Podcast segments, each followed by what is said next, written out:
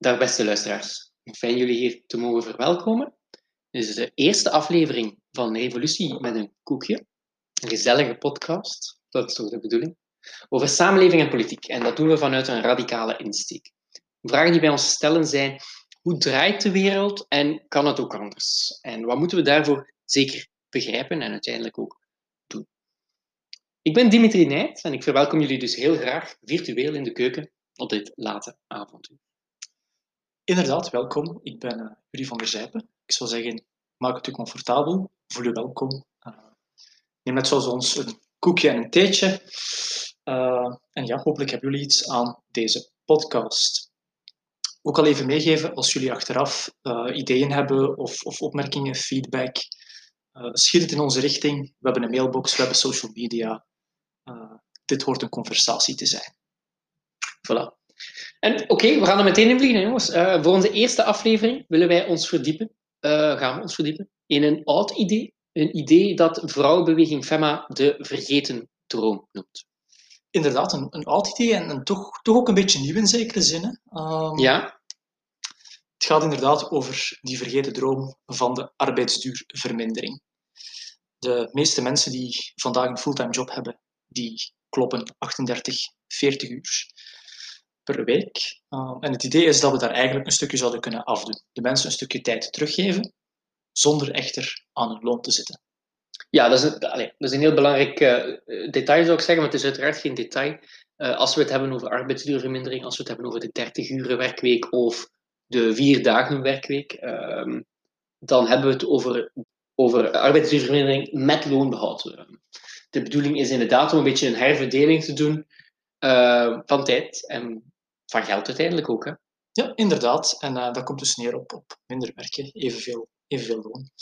Nu, uh, ja, waarom, waarom minder werken? Um... Ja, daar kan ik wel op antwoorden hoor. Doe gerust. Ja, allee, ik, denk, ik denk dat iedereen van ons daarop kan antwoorden. Hè. Waarom zouden we minder willen werken? Uh, ik ben nu een papa van een kindje van twee. we hebben allemaal een huishouden. Dat zijn allemaal dingen die heel veel tijd van ons vragen. Een tijd die, die dat zeker ook waard is. Hè. Zorgen voor een kind is ongelooflijk. Een huishouden runnen uh, kan ook best plezant zijn en mm. is waardevol. Maar dat vraagt allemaal zeer veel tijd. En om daarna nog eens um, ehm, 38 uur te werken en zoveel uur onderweg te zijn naar uw werk, in de file te staan, bij wijze van spreken. Die pendelen inderdaad ook. Ja, dat hoort er ook allemaal bij. Uh, en dan nog eens een, een, rijk intellectueel en sociaal leven te hebben, waar we toch allemaal in meer of mindere mate behoefte aan hebben. Ja, dat is iets dat ik zelf wel, wel bij, bij, bij mezelf ook wel merk. Vaker ja, aan, het eind van een werkdag nog gaan afspreken met vrienden, familie. Het, het, vraagt ook allemaal iets meer. Uh, meer tijd zou welkom zijn. Ook om te investeren in, in hobby's, zelfverrijking.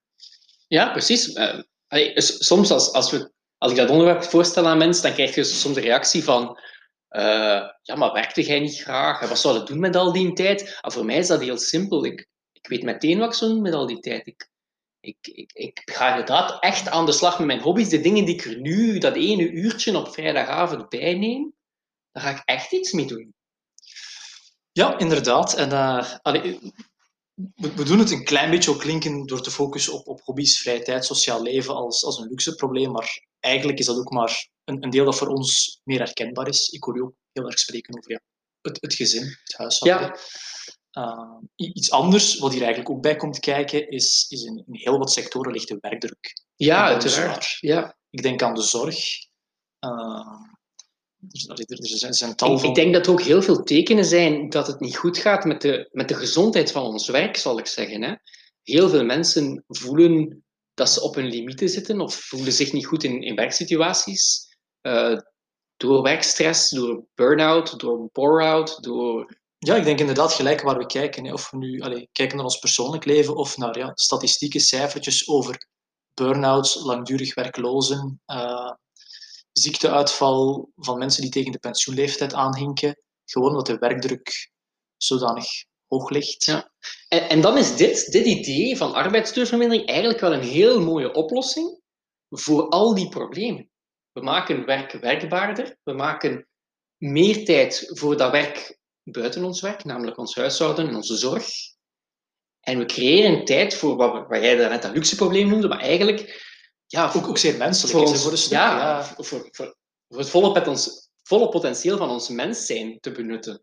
Ja, en ook voor een stukje te, te kiezen waar je tijd naartoe gaat en, en te leven in plaats van geleefd te worden. Ja, ja en ik, ik, denk, ik denk dat Femma, die hè, het de vergeten droom noemt, dat wel doorheeft. Namelijk, arbeidsduurvermindering is een idee dat heel veel problemen rond werkbaar werk oplost en, en mensen iets teruggeeft. Ja, dat, daar pik ik graag even op in, Femma. Dus inderdaad, de, de vrouwenvereniging uit de, uit de oude katholieke zuil, die uh, nu al zo'n zo'n vijf, zes jaar dit, dit idee predikt, maar ook effectief, en dat is heel mooi, Mhm, het effectief mhm. zelf in de praktijk heeft gebracht. Ja, ja, in 2019 heeft Femma een jaar lang eh, met voor al haar personeel geëxperimenteerd met de 30 uur werkweek. Ze hebben het zelf uitgeprobeerd.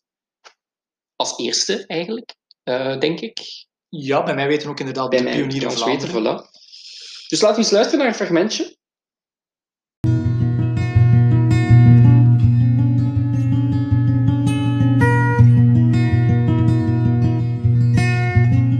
Heel veel werkende vrouwen werken deeltijds om juist de combinatie met hun huishouden en met de kinderzorg eh, te kunnen doen. Maar dat heeft gevolgen, want dat betekent dat ze minder verdienen. Eh, ze krijgen minder opleiding en vorming, ze maken minder carrière. En eh, ook voor hun pensioen is dat zeer nadelig. Het is gewoon te gek eigenlijk dat we daar geen rekening mee houden.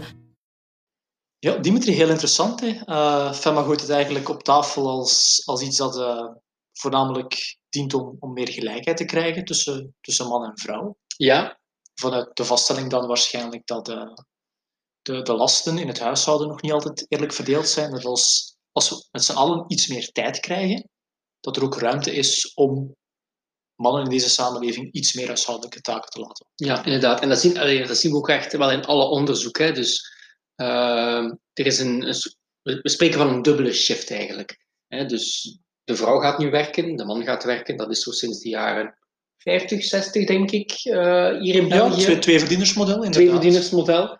Ehm en het huishoudelijk werk viel initieel nog altijd bij de vrouw. Daar is een kleine herverdeling gebeurd, maar het grootste deel valt in de meeste relaties nog altijd de vrouw. En daardoor, daardoor onder andere, omdat ze het huishouden blijft doen, omdat ze doorgaans ook veel meer voor de kinderen zorgt dan de man, verdient ze minder, moet ze meer deeltijds werken, is er discriminatie op de arbeidsmarkt. En dat is een van de problemen, denk ik, die FEMA hiermee echt wel kan rechttrekken. Die arbeidsduurvermindering kan rechttrekken. Ja, de, de oplossing die FEMA naar voren schuift, is inderdaad gewoon in plaats van die, die taken en die tijd die die mannen en vrouwen hebben onder elkaar te proberen verdelen, zeggen zij, ho, stop, eventjes een stapje terug. Laat ons gewoon eens wat tijd wegnemen van die economie en dat in onszelf, in onze gezinnen, in onze huishoudens gaan investeren. Ja, En daarom merk ik ook wel dat, dat FEMA iets aanraakt dat toch dieper gaat dan, dan enkel vrouwenrechten, hè, hoe, hoe belangrijk dat ook is. Hun doel is wel die, die gelijkheid creëren, maar het probleem dat ze aanraken, dat probleem van die, van die werkdruk, van die dubbele shift, eigenlijk is dat een economisch probleem. En laat het ons maar gewoon meteen benoemen. Dat, ja. het draait hier om ja, kapitalisme, het feit dat onze tijd wordt ingeruild voor geld. Ja, en ik denk dat we daarmee zijn aangekomen bij de pièce de résistance van onze eerste aflevering. En dat is ons interview met onze gast. En dat is Olivier Pintelon. Olivier heeft een boek geschreven, De strijd om tijd, dat eigenlijk in ons taalgebied eh, een beetje de gids is. Het, enige recente, het enige eh, allesomvattende boek, zal ik maar zeggen, over arbeidsduurvermindering. Ehm, dus ja, wij hebben de eer om eh, Olivier als allereerste eh, gast uit te nodigen op onze podcast. Mhm. Goed, een eh, spannend moment hier. Ik mag de gast van onze allereerste aflevering verwelkomen. Dag Olivier Pintelon, hoe gaat het? Zo, mij gaat het, eh, gegeven alle coronaspanningen, relatief goed. Mooi. Eh, ja, dankzij de corona is het helaas ook via een Zoom-sessie te doen. Nu, we gaan ons daar niet door laten tegenhouden. Ehm, Olivier Pintelon, mensen kennen u misschien van de denktank Minerva. Die durft al eens een eh, progressief idee lanceren. Dat is de bedoeling, uiteraard. In eh, 2018 was het, geloof ik, verscheen er ook een boek van uw hand, De strijd om tijd. En die gaat knal over het onderwerp van eh, deze aflevering. eerste vraag die in mij opkwam, Olivier, was waarom in godsnaam een boek schrijven over werk en tijd? Ehm, mijn persoonlijke aanleiding ehm, was een beetje een combinatie van twee dingen.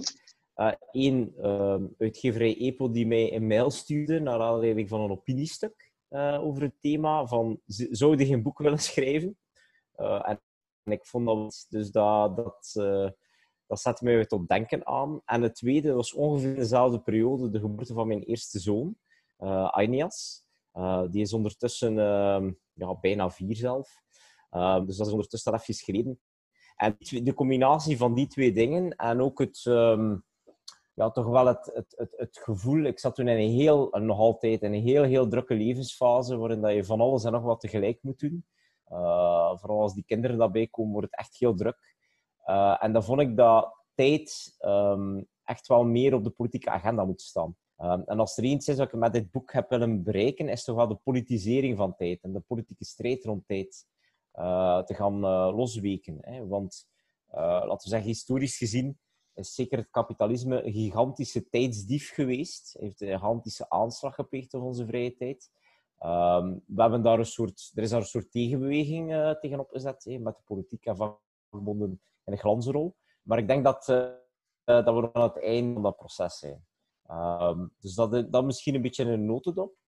Um, en misschien algemeen denk ik dat uh, tijd en het hebben van vrije tijd heel belangrijk is voor de samenleving. Ik denk dat een samenleving, dat er een chronisch tijdgebrek is, en ik denk dat onze samenleving daar toch wel aan leidt, uh, dat dat een dysfunctionele samenleving is. Dat een samenleving is waar het niet goed gaat. Uh, en in mijn boek, helemaal van achter, vind je een anekdote van een experiment van psychologen. En uh, psychologen vroegen aan studenten om liedjes te verzinnen. En de ene groep moest liedjes verzinnen over geld en de andere groep moest liedjes verzinnen over tijd. Um, nu, wat was de clue van het onderzoek?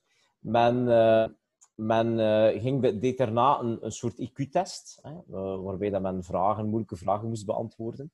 Uh, en men, het interesseerde hen niet zoveel, niet zozeer of dat men goed scoorde op die test, maar men keek vooral of mensen spiekten en vals speelden.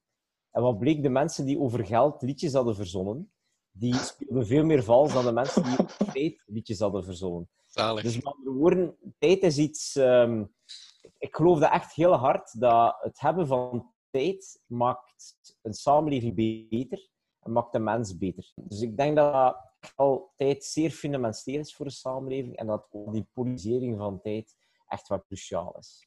Ja toen ik in uw boek begon, dan... Allez, ik ben zelf ook een jonge vader. Ik heb nu een zoontje van iets meer dan twee. Dus dat voor mij was dat meteen zeer herkenbaar. Uh, ik herinner me heel goed hoe... Uh, vanaf dat je weet dat je ouder gaat worden, dat je zoiets hebt van... Shit, hoe moet ik dat nu geregeld krijgen? Uh, ik wil hem ook niet de hele tijd in de crash droppen. Ehm, en dan begint die zoektocht. Hè. Ouderschapsverlof, ondertussen zit ik in tijdskrediet. En ehm, ik vraag mij dan wel af, hoe komt het dat onze samenleving die vraag naar collectieve arbeidsduurvermindering niet stelt? Hoe komt het dat ouders die optie niet, niet zien? Hij is er natuurlijk niet echt. Um, maar hoe komt het dat wij als samenleving daar, daar niet toe komen om daar nog over na te denken? Het is, het is een topic dat, dat je verrassend weinig ter sprake ziet komen. Ja, ik denk dat er twee grote redenen zijn. Dat is om te beginnen wordt in heel wat debatten werk vaak verengd tot wat je betaald doet. Hè. Uh, alles wat je niet betaald doet, hè, dus onbetaalde arbeid en vooral zorg, is zeer onzichtbaar in debatten. Zeer onzichtbaar. En dat is niet iets van de laatste tien jaar, dat is al decennia lang dat probleem. Hè. Um, waarschijnlijk hangt dat op een subtiele manier ook, ook samen met ja, toch wel maar vooral ongelijker in de samenleving. Het feit dat die onbetaalde arbeid vooral door vrouwen gedaan wordt en dat die historisch gezien in een zwakkere sociale positie staan, politiek, economisch, noem maar op, zorgt er ook voor dat die thema's te weinig worden opgepikt. Ja, de dubbele shift. Ik, de dubbele shift, ja. De, onzeker, de, de, de, de, onzichtbaarheid van het feit dat je eigenlijk ook werkt buiten de, de, de officiële werkuren. Hè. Um, want ja, als je zo denkt aan um, ja, alles wat ik bijvoorbeeld na de werkuren doe, ja, uh, de, de, de kleine vallen in de, bij de ontganger, de kleine gaan ophalen bij, de, bij, de, bij school dat is in zeker zijn ook werk. Dat zijn ook deadlines dat je niet kan mislopen. Hè. Dat is tijd dat je niet volledig autonoom over beschikt. Dus ik vind dat niet vrije tijd. En plus is daar iets heel raars mee aan de gang. Als je iemand betaalt om dat voor jou te doen, hè. als je zelf je strijk doet, is dat je vrije tijd. Als iemand betaalt om de strijk te laten doen, wordt dat plotseling wel arbeid. En is dat wel onder, onderdeel van het debat. Dus dat, dat, betaald of niet, dat, dat, dat klopt eigenlijk niet. Hè. Uh, dat onderscheid. Dus dat is één. Uh, de tweede reden... Um, ja, is denk ik het, het, neoliberalisme. Dus sinds de jaren tachtig uh, hebben we een, een, politieke ideologie die furoren maakt, die uh, ja, heel sterk op het individu gericht is. Uh, Thatcher zei ooit, there is no such thing as society. There are only individuals. Um, dat is natuurlijk een heel straffe uitspraak, maar dat, dat vat wel een beetje de tijd. Alles is je eigen verdienste geworden en, en alles is je eigen probleem geworden. Dus het idee om, om iets correctief te vertalen, om na te gaan van kijk, er is, er, is een, er is een structureel probleem, er is een structurele oorzaak van dat probleem, um, die maatschappelijk een beetje verleerd. En dat heeft te maken met brede maatschappelijke politieke tendensen in onze samenleving. Um, en als je bijvoorbeeld um, zoekt over de strijd om tijd van jonge ouders, uh, in de tientallen hulpboeken over hoe jij je tijdsmanagement er kan organiseren. Mhm. Hoe jij um, op een andere manier met je tijd kan omgaan. Tientallen, hè? Terwijl dat eigenlijk de clue van het verhaal individueel niet regelen. Je hebt gewoon tijd tekort en daar zijn structurele oorzaken voor waarom dat je tijd tekort komt. Dat mhm. is zeer afwezig. Dus ik denk dat het ook wel wat met die bredere, bredere maatschappelijke tendensen heeft. Um, dus dat, dat, een beetje in het kort. Maar mij verbaast dat effectief ook. Hè, dat dat zeer onderbelicht is in het maatschappelijk debat. En ik denk dat is omdat heel veel mensen het wat geïnternaliseerd hebben van... Ik denk dat tegenwoordig, gezien uh, die politieke en maatschappelijke tendensen, dat eigenlijk uh, alles een beetje in eigen verdienst en alles een beetje in eigen schuld is geworden. Mm -hmm. En dat heel veel mensen eigenlijk die, die tijdsdruk of de oplossing van die tijdsdruk zeer persoonlijk zien. En ook dat wat geïnternaliseerd hebben. Hé, van, je moet maar de juiste keuzes maken. Hé. Je moet maar zoveel niet willen. Um, en dat dat ook wel voor een stuk verhindert dat het maatschappelijk hoog genoeg op de agenda komt. Ja, ik denk dat we daar inderdaad een, uh, allez, een, een, serieuze uitdaging uh, te pakken hebben. Het gaat niet over ik, het gaat over wij. Het, het gaat, heb ja. begrepen, ook niet zozeer over geld, het gaat over tijd. Um, een, een ander, iets anders waar ik vaak op stoot als ik met mensen spreek over uh, ja, minder werken, is, is dat men een vraag stelt, is dat wel haalbaar? Hè? Hoe, hoe, gaan we dat in godsnaam doen? Ja, um, maar ik denk sowieso dat het grootste argument voor, um, voor de kortere werkweek met loonbehoud al is de geschiedenis. Hè? We hebben in de loop van de geschiedenis de laatste 125 jaar zijn we gegaan naar acht urendagen, uh, is het zaterdagwerk weggevallen. En na de Tweede Wereldoorlog is het verlof ongeveer verviervoudigd. En dat is allemaal gebeurd zonder een Belgische frank in te leveren. Hè.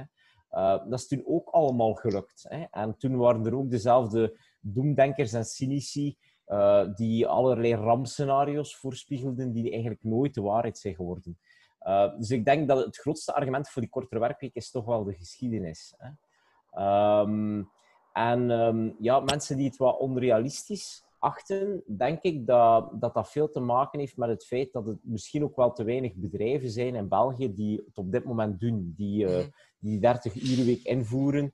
Um, en ik denk vanaf het moment dat er een aantal bedrijven zijn, dat je het heel debat gaat doen zien veranderen. Hè? Dat, je, dat je effectief wel de ogen opent voor mensen en dat mensen het plotseling veel realistischer gaan beginnen achten. Um, nu, wat je natuurlijk wel kan doen, is, is, is, de, ja, is, is mensen attent maken op buitenlandse voorbeelden. Hè. Uh, dus wordt in de Scandinavische landen uh, is, wordt een, zijn experimenten met de 30 uur week toch wel vrij talrijk. Uh, vooral dan in de publieke sector, in de zorgsector, noem maar op. En vaak met heel positieve effecten. Dus het stond aan dat het kan, hè, dat het een kwestie is van politieke wil.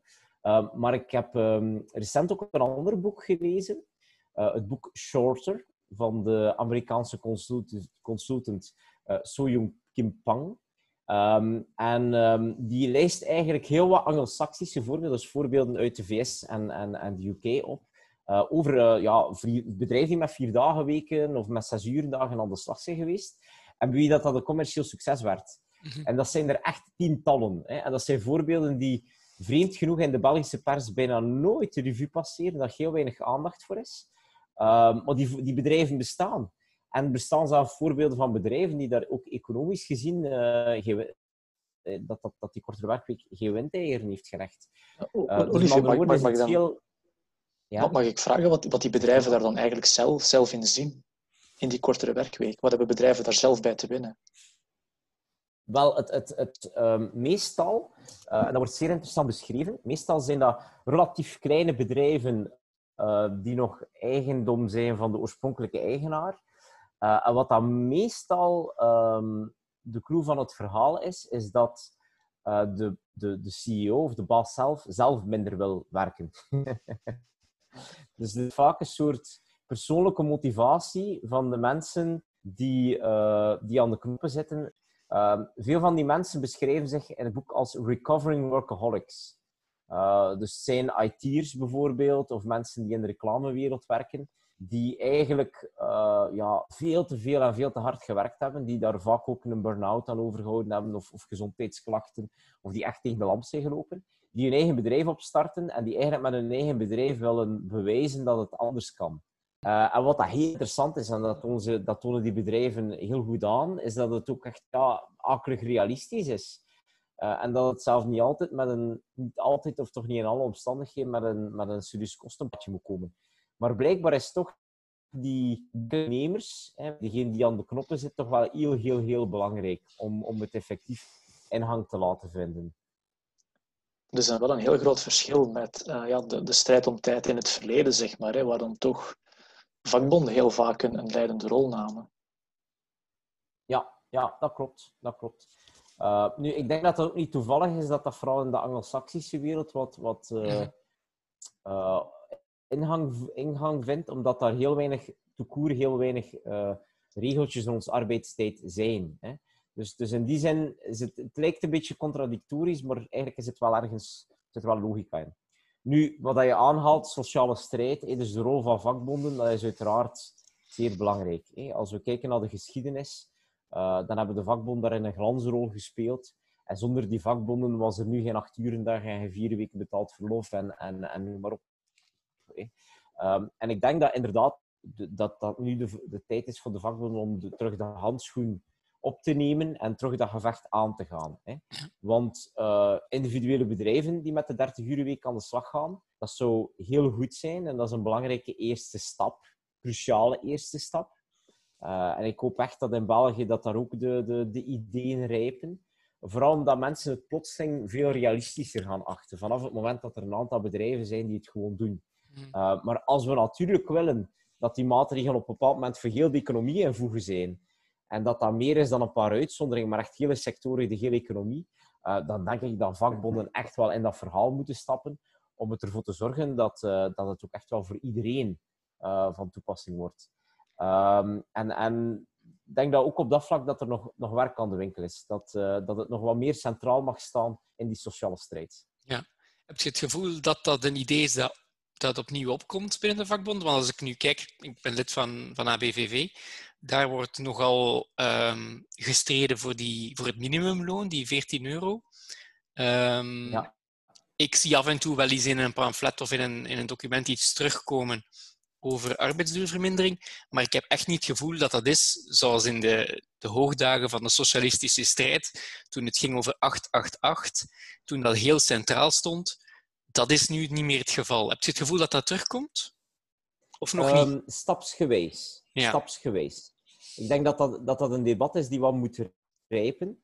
Uh, ik denk eerlijk gezegd, als je kijkt naar de grote Belgische vakbonden als CV en ABVV, dat die al de laatste 30 jaar pleiten voor een 32-urenweek, maar dat dat nooit echt een prioriteit is geweest in daadwerkelijke onderhandelingen. Mhm. Dus als het daadwerkelijk op onderhandelingen met de werkgevers aankomt, dat dat een van de eerste zaken is die van tafel verdwijnt. Ehm, de enigste nuance dat ik daarbij maak, is dat als het gaat over behoud van jobs, dus stel het gaat slecht in het bedrijf en je kan via arbeidsuurverkorting wat, wat jobs redden, dan krijg je vakbonden wel mee aan het verhaal. Dan, dan wordt daar wel getrokken aan die kar. Hè. Ja. Ehm, maar het is inderdaad nog een, nog een werk van lange adem. En ik, ehm, die ideeën rijpen, maar we zijn er nog niet volledig. Dus om te zeggen dat inderdaad ABV en ACV hier echt een strijdpunt van maken, een centraal strijdpunt, daar zijn we nog niet. Hè. Ehm, maar ik zie wel de laatste vijf jaar een serieuze evolutie. Hè. Als ik zie, vijf jaar geleden, toen bijvoorbeeld vrouwenorganisatie FEMAR over die 30 week begon, Ja. ehm, ja, dat werd weggelachen, hè, dat idee. Eh, dat werd op geen enkel moment serieus genomen. En er zit toch wel een evolutie in dat debat. Hè. Ehm, dus dat is wel een positief fenomeen. Wat dat bij vakbonden enorm speelt, denk ik, bij ABVV en ACV, is het idee dat hun achterban vooral koopkracht nodig heeft. Hè. Uh, de, waar vakbonden eigenlijk sterk staan, uh, bijvoorbeeld in de industrie uh, of, of, bijvoorbeeld in, zwakkere sectoren van de dienstensector, um, daar zijn soms, bijvoorbeeld in, in, in die, die dienstsector, de lonen niet zo hoog. Um, en in de industrie heb je een klassieke mannelijke achterban die ja, historisch gezien meer aanleunt voor geldeisen. Hè. Dus Ja. er zit een, toch wel een idee dat dat geld belangrijker is dan, dan de tijdseis. Ja. Uh, nu, ik zet er altijd het volgende op. Ik denk dat eigenlijk dat dat een beetje een valse tegenstelling is. Omdat als je van 30 uur een nieuwe voltijds maakt, dan uh, ga je afhankelijk van de, de, de, uh, van, van de persoon eigenlijk ofwel gratis tijd gaan creëren, oftewel ga je een extra loon creëren. Hè. Omdat veel sectoren waar de lonen heel laag zijn, pak bijvoorbeeld de poetssector, om daar een voorbeeld van te geven, is eigenlijk de 30-urenweek een geldeis. Omdat de meeste poetsvrouwen niet vol, voltijds werken. 30 uur is, is daar de facto al een beetje de norm. Dus je verlegt eigenlijk... Uh, het is eigenlijk een, een eis die wat de middenweg houdt tussen tijd en geld. Hè. Um, bovendien zorgt dat ervoor dat niet meer uh, mensen loon moeten inleveren om 30 uur te gaan werken. Dus het maakt eigenlijk... Uh, dus het zit, zit, echt wel wel die middenweg van de twee. Um, en als ik dat zo uitleg, ook naar vakbondsleden en militanten, uh, dan vindt men dat interessant. En is dat duidelijk een manier van, van redeneren die men niet gewoon is. maar het, het, klopt inhoudelijk wel. Dus kort samengevat, ja, ik denk dat vakbonden meer kunnen doen rond dit thema. Dat het ook, als we er vooruitgang willen boeken, dat ook vooruit de vakbonden hier een centraal strijdpunt uh, moeten van maken. Um, maar de ideeën rijpen. Die de ideeën rijpen. Dus ik, ben er wel, uh, ik heb er wel vertrouwen in dat de volgende jaren uh, dat het thema tijd toch wel hoger op die, op die agenda zal komen. Ja, als ik u zo hoor, het gaat, hem, het gaat hem om tijd, het gaat hem niet om geld, maar eigenlijk het gaat hem net zo goed over een groter deel van de koek voor de werkende klasse. Op een andere ja. manier dan. Ja, ja, absoluut. Het is een vorm van herverdeling. Hè? Mm -hmm. Dus als, je, als een bedrijf goed boert en er wordt omzet gedraaid, hè, stel uh, je hebt een schoenwinkel en verkoopt meer schoenen, er komt meer omzet binnen. Hè, uh, dat kan natuurlijk die... Ik, ik, maak het, ik, ik trek het eventjes op flessen. Hè, en ik wil ja. dan nu uh, even een klein hartafval maken, maar voor... Uh, om, om een beetje duidelijk te spreken, ja, die omzet kan, kan aan verschillende dingen gaan. Hè. De, het bedrijf kan daarmee investeren, hè, de schoenwinkel uitbreiden. Uh, het bedrijf kan daarmee uh, zijn aandeelhouders of de eigenaars uitbetalen via dividend. Of ehm, het bedrijf kan, kan eigenlijk ehm, iets geven aan het personeel. Dat kan gaan onder vorm van loon, maar dat kan ook gaan onder de vorm van een collectieve arbeidsuurverkorting met loonbehoud. dus er zit daar een soort economische strijd tussen. Um, en dat wil ik toch wel echt een beetje, beetje benadrukken. Dat is een politieke strijd. Dat is echt een politieke strijd. Hè. Uh, dat is niet puur een, een, een economisch gegeven uh, dat er maar x aantal marge is voor uh, loonsopslag. dat is eigenlijk echt een politieke strijd over naar waar gaat eigenlijk de meerwaarde die gecreëerd wordt in dat bedrijf. Als we nu eventjes mogen, mogen dromen, hopen, hè, Olivier, en zeggen van oké, vakbonden zetten, hun, allez, zich achter die eis. Mensen, bepaalde politieke partijen worden zich ook meer, meer bewust van, van de noodzaak aan die, aan die extra tijd en die herverdeling. Um, hoe, zouden we dan die, die collectieve arbeidsuurvermindering concreet aanpakken? Um, ja, ja in, mijn boek schets ik een beetje een stappenplan. Uh, ik denk de allerbelangrijkste eerste stap is dat, we een, uh, dat de politiek, en ik denk dat de politiek in, in, dit, in dit scenario echt wel een, uh, een sleutelrol speelt. Dat zij de eerste stap moeten zetten, eh, hopelijk onder druk van de bewegingen.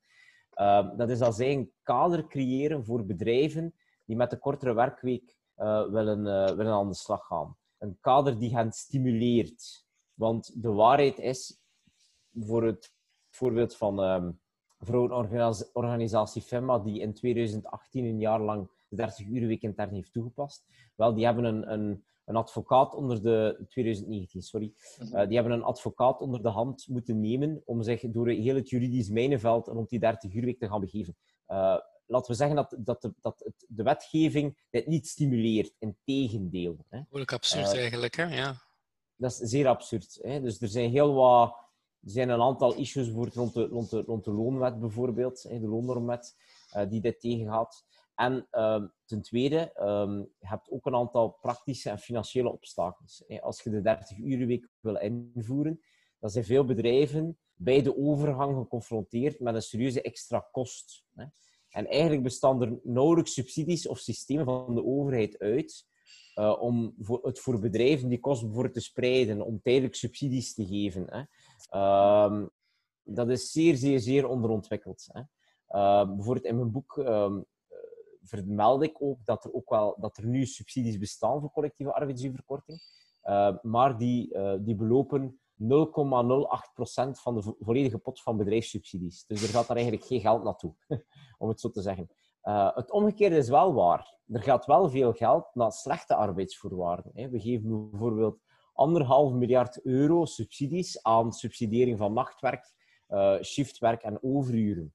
Uh, dus er zit daar iets heel erg scheef. Hè. En het eerste wat we moeten doen als politiek, denk ik, of wat de politiek moet doen, is dat uh, een kader creëren zodat bedrijven ermee aan de slag gaan. En dat bijvoorbeeld van die bedrijfssubsidies um, middelen worden georiënteerd van slechte arbeidsvoorwaarden naar het stimuleren van goede arbeidsvoorwaarden. En dat zou wel echt een gamechanger zijn. Uh, vanaf het moment dat een aantal grote bedrijven het doen, dat een aantal grote sectoren het invoeren, dan denk ik dat je heel dat maatschappelijk debat gaat sinkeren.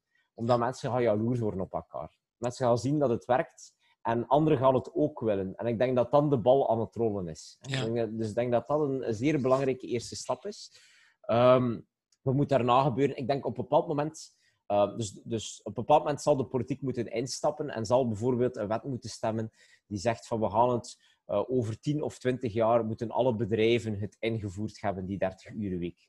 Uh, waardoor dat, dat bedrijven aan de ene kant een lange overgangsperiode krijgen om zich aan te passen, maar aan de andere kant dat, dat het ook wel um, ja, duidelijk is dat er een soort deadline achter zit. Hè? En dat die beslissing genomen is en dat er geen weg terug is en dat we dat gewoon gaan doen. Hè? Uh, een beetje zoals de, de, de kernuitstap bijvoorbeeld. Dat is ook iets die heel moeilijk van de een op de andere dag uh, te nemen is. Wat heeft men gedaan? Maar men stemt de wet om tegen 2025, hè, uh, dat is toch de, intentie, de kerncentrales te sluiten. Hè? En ik denk dat dat de enigste manier is om zo'n fundamentele verandering, zoals de 30-uurweek, economiebreed te gaan invoeren. En eigenlijk wat daarvoor nodig is, is vijf minuten politieke moed. In essentie. Dat is echt de essentie. Uh, maar de politiek is, um, ja, is zeer angstig over dit thema. Uh, en ik stel dat toch vast. En er is ook een heel, heel sterke werkgeverslobby hierover. Hè. en wat verklaart dat? Laten we zeggen dat tijdseisen uh, staan al 30, 40 jaar niet meer centraal in het politieke en het sociale debat. En, vak, en de, de werkgevers vinden dat prima. Mm Werkgevers vinden het prima dat als jij 30 uur wil werken, dat je daar loon voor oplevert en dat dat uw probleem is.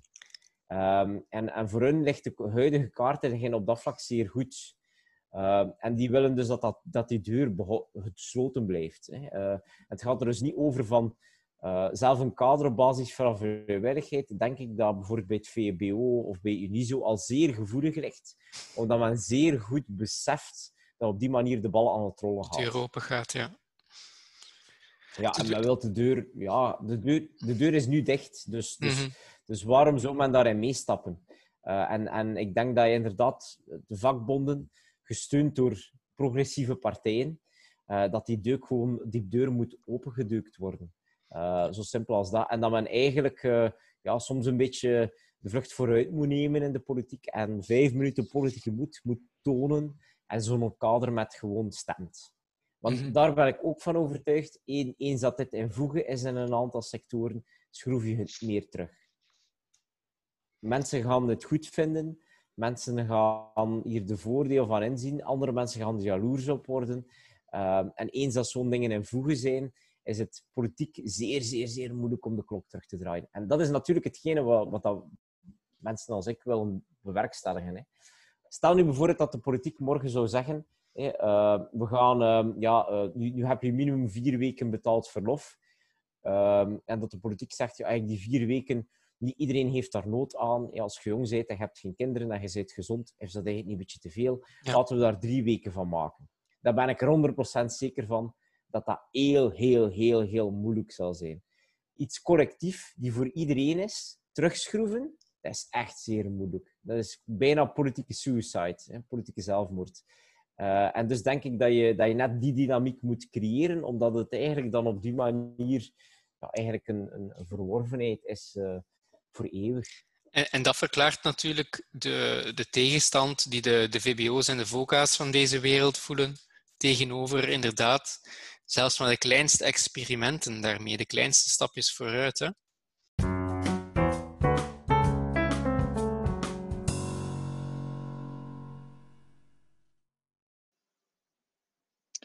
Ja, Dimi, eh, de deur openzetten, zegt Olivier. Dus eh, Ja, eh, ik dacht dat hij het woord beuken heeft gebruikt. de, de, de, de deur inbeuken, ja. Dus is, is, is wat mij betreft ook oké. eh.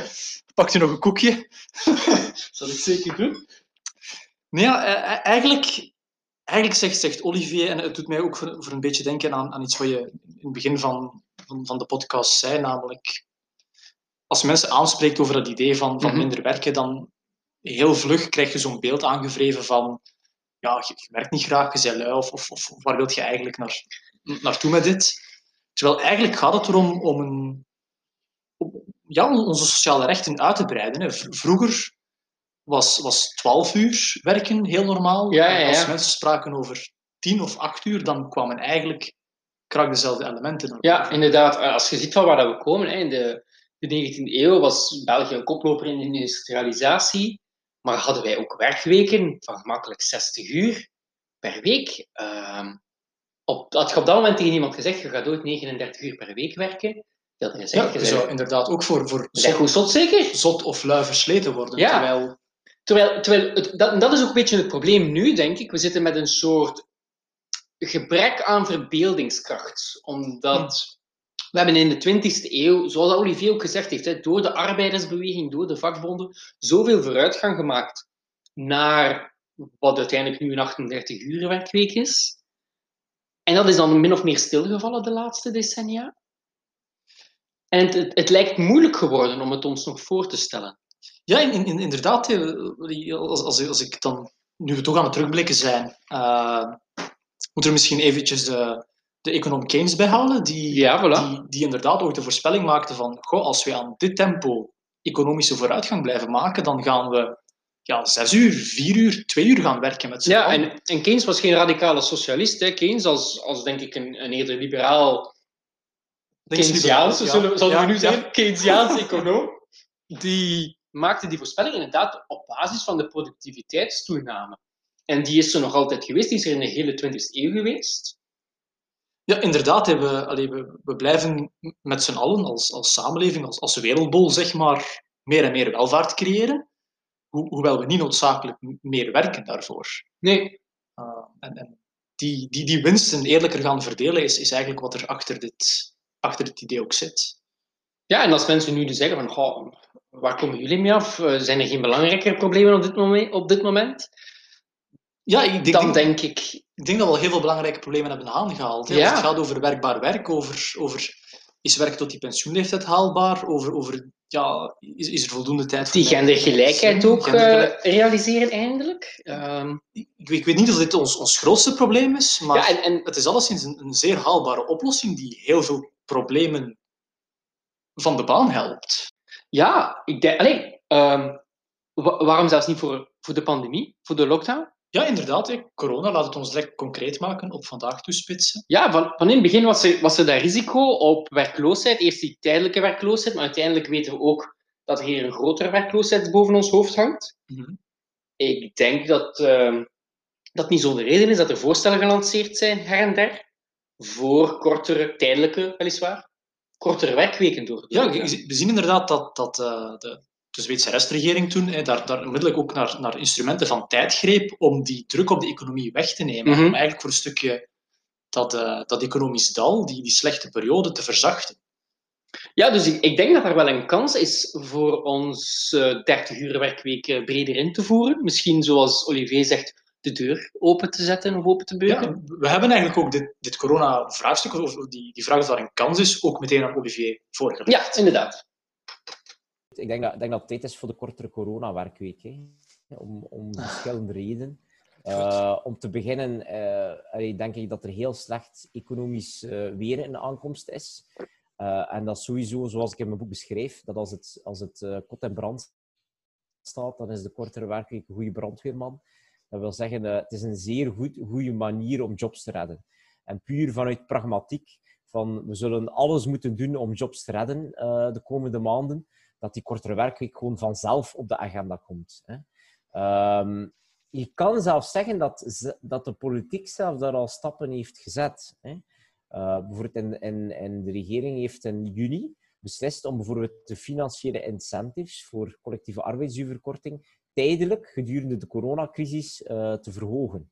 Um, dat is nog onvoldoende als stap, maar dat toont wel aan dat zelf liberale partijen die dit mee hebben goedgekeurd, ergens wel, en de NVA trouwens ook, nee, de NVA heeft dit, dit, specifieke aspect heeft de NVA niet goedgekeurd, dat maar de liberalen wel, dat die eigenlijk gewoon ook daar een beetje pragmatisch naar kijken van ja, we moeten wel iets doen. Hè, en dat is een van de, van de zaken die we klaar liggen hebben, dus, dus waarom niet? Hè?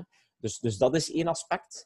Um, het tweede is denk ik ja, ook, ook epidemiologisch. Hè. Ik denk dat de kans reëel is dat we ook, ook bijvoorbeeld in de komende maanden toch wel fysieke contacten ook op de werkvloer zullen moeten beperken.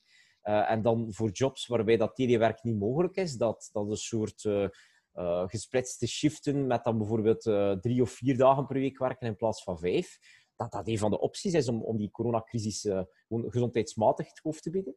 En ten derde, wat je zelf aanhaalt, uh, telewerk is super, allee, of omkaderd telewerk, hè, dus, dus, met de juiste spelregels, hè, want ik denk dat telewerk ook wel bepaalde risico's creëert. Hè.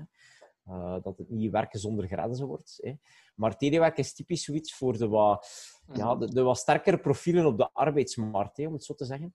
Uh, als je puur spreekt naar de echte working class, ja, dat die mensen werken nog altijd uh, van, van uur A tot uur B op een plaats. Hè. Dus uh, denk aan, aan de kassières in de lijzen, denk aan het zorgpersoneel.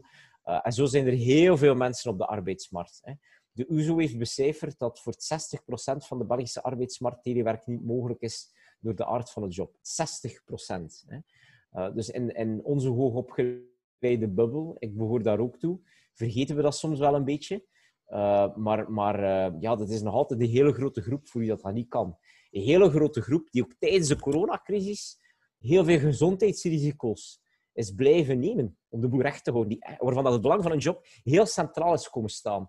En ik denk dus als vorm van beloning voor die essentiële beroepen dat arbeidsduurverkorting per, op permanente basis na, eens dat het, dat het stormweer van de coronacrisis is gaan liggen, dat dat echt wel tot de mogelijkheden moet behoren. Um, en op die manier, uh, we hebben dan voor de hogere profielen, kunnen we telewerk wat meer veralgemenen om uh, eigenlijk die combinatie te vergemakkelijken. Maar dat moet zeker voor de jobs waar je dat telewerk niet kan, moet er iets gelijkaardig op, uh, op tafel komen. En ik denk dat er eigenlijk maar één manier is om die work-life balance, om die jobs werkbaarder te maken. en dat is collectieve arbeidsuurverkorting. Dat lijkt mij echt zeer evident, zeer voor de hand liggend en eigenlijk een debat die niet te vermijden is. Oké, okay, uh, een zeer hoopvolle stelling en een, een, mooie conclusie ook, lijkt mij. Een zeer hoopvolle stelling, maar ik denk ook, ik denk ook effectief als, als, als, als er een aantal politieke krachten en de vakbonden wat meer pushen in die richting, dan geloof ik ook echt, echt wel in die slaagkans. Ik denk, als je een beetje historisch bekijkt, of, of de, Ik denk dat de coronacrisis zal de geschiedenisboeken ingaan als de grootste crisis tot nu toe na de Tweede Wereldoorlog. Ik denk wat we nu zien is echt wel onuitgegeven op, op, op heel wat vlakken. Hè. Het zal iets zijn die ook lang aansleept, of we het nu horen of niet. Ik denk dat, ja, dat we misschien uh, tegen, tegen, met, met, tegen de zomer van volgend jaar een beetje echt, uh, echt het licht aan het einde van de tunnel zullen zien. Maar dit, dit is iets van lange, van lange duur. En dat zal toch wel een, een, een, serieuze impact hebben, denk ik, maatschappelijk gezien. En als je dan bekijkt naar de, naar de twee vorige grote crisissen van de 20e eeuw, dus de Eerste en de Tweede Wereldoorlog, dan heeft dat een enorme sociale en politieke impact gehad. Dus na de, tweede, na de Eerste Wereldoorlog heb je het acht dag gehad. Het algemeen enkelvoudig stemrecht. Na de Tweede Wereldoorlog de invoering uh, van de sociale zekerheid, of de verankering van de sociale zekerheid. Verdere politieke democratisering met het vrouwenstemrecht. Uh, in de decennia na de Tweede Wereldoorlog heb je het zaterdagwerk, die is weggevallen. De verviervoudiging van het betaald verlof. Dat zijn allemaal dingen, shockmomenten, die eigenlijk de, de, de, de bestaande politieke verhoudingen hebben dooreengeschud. En die die balans heel sterk naar de linkerzijde hebben en naar de vakbonden hebben doen overhellen. En ik denk echt dat de coronacrisis nu hetzelfde gaat bewerkstelligen. Dat echt de hoogdagen van het nieuwe liberalisme voorbij zijn dat het idee dat er there is no such thing as society, als er één iets is wat corona heeft duidelijk gemaakt, dan is er there is such a thing as society. Je kan als individu alleen niet die coronacrisis te lijf gaan. Of wat het nu de gezondheidscrisis is of de economische crisis, dat klopt niet. Je mag individueel nog alle veiligheidsmaatregelen uh, in acht nemen. Als de groep, als de samenleving niets doet, dan kan je ook ziek worden en zwaar ziek worden. Dus met andere woorden, dit toont echt aan, deze crisis toont echt aan dat, wij, dat de mens geen individu is, maar dat de mens een sociaal wezen is. En dat de mens een gemeenschap nodig heeft om er zich door te slaan. En dat is au fond een links-progressief idee. En het is daarom, denk ik, dat we de volgende maanden dat de links-progressieve ideeën fundamenteel de wind in de zeilen gaan hebben en dat je een kentering zal zien in het politieke debat. En ik geloof dat echt. Je mag dat opnemen op de, op de podcast en mij dat over een jaar of twee uh, laten beluisteren. Maar ik denk echt dat dit een gamechanger is. We gaan dat zeker, we gaan dat zeker doen. Inderdaad, bij deze Olivier binnen twee jaar meer dan welkom. ik denk dat dat een heel, mooi, een heel mooie boodschap is. Ik, ik onthoud ook vooral het is een vorm van herverdeling. Er is een glansrol weggelegd voor de vakbonden. Het vraagt politieke moed, maar het kan eigenlijk heel snel, heel haalbaar in gang worden gestoken. En de deur open betekent het moeilijk is om ze terug te sluiten. En wij willen Absoluut. ze wagenwijd open. Dus met andere woorden, politici, zeker progressieve, progressieve politici, als u dit hoort, the time is now. Corona is een ideale aanleiding het enigste wat er nodig is, is vijf minuten politieke moed. En uh, wie weet krijg je vermelding in de geschiedenisboeken. Mooi. Olivier Pintelon, dank je wel voor uw tijd. Met plezier.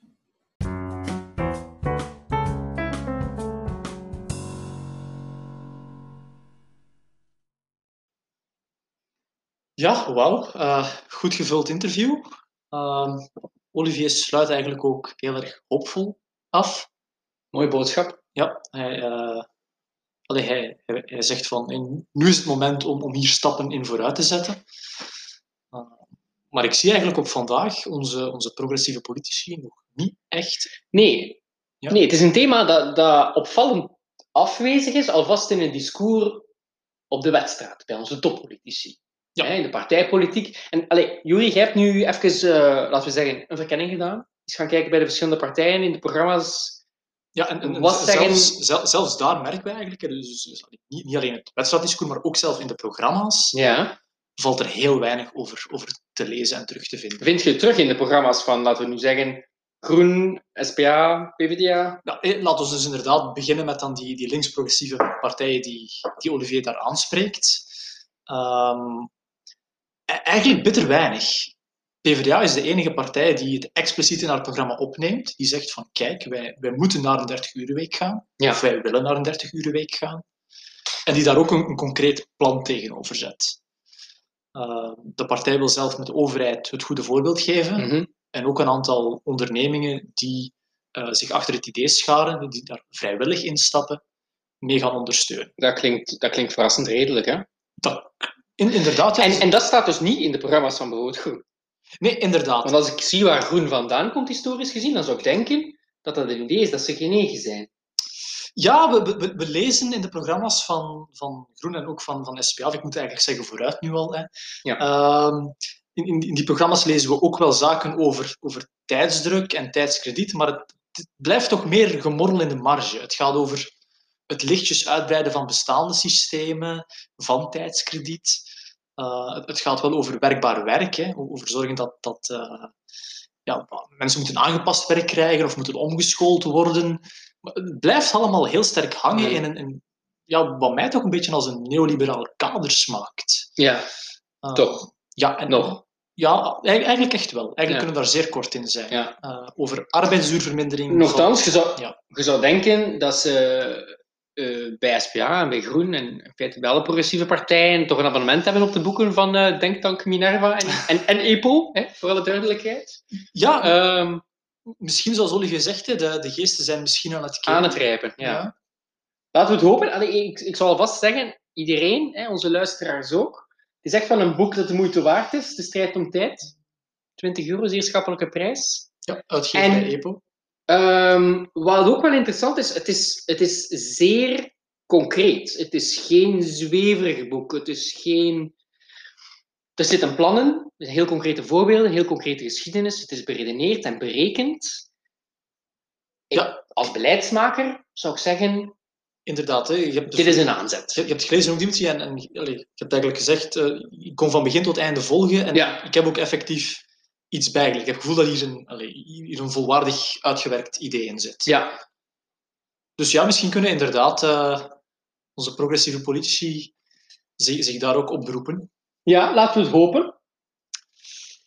Goed, en ik denk dat we met die, met die vaststelling, met die hoop, aan het einde van onze eerste aflevering gekomen zijn. Spannend.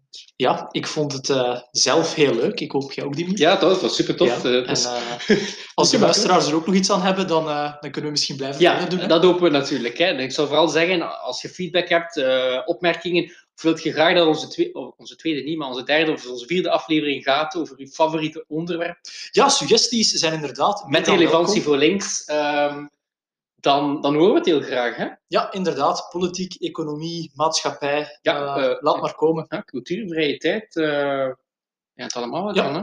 Facebook, Instagram. We hebben zelfs een mailaccount, heb ik begrepen. Ja, klopt. Revolutie met een koekje at gmail.com. Dat komt hoogstpersoonlijk bij mij toe. Ehm, goed, maar kijk, wat die tweede aflevering betreft, ik zou zeggen, tune zeker in voor onze volgende aflevering. Die zal gaan over ecologische politiek. Met de slogan: Het is niet alle groen wat er blinkt. We gaan het hebben over eco-kapitalisten, eco-fascisten, jawel, ecoliberalen en waarom groen dus niet per se links is. 50 groen eigenlijk. 50 tinten goed belooft zeer interessant te worden. Eh, we kunnen nog niet zeggen wanneer die podcast er gaat komen, maar volg ons zeker, blijf op de hoogte en eh, hopelijk tot dan.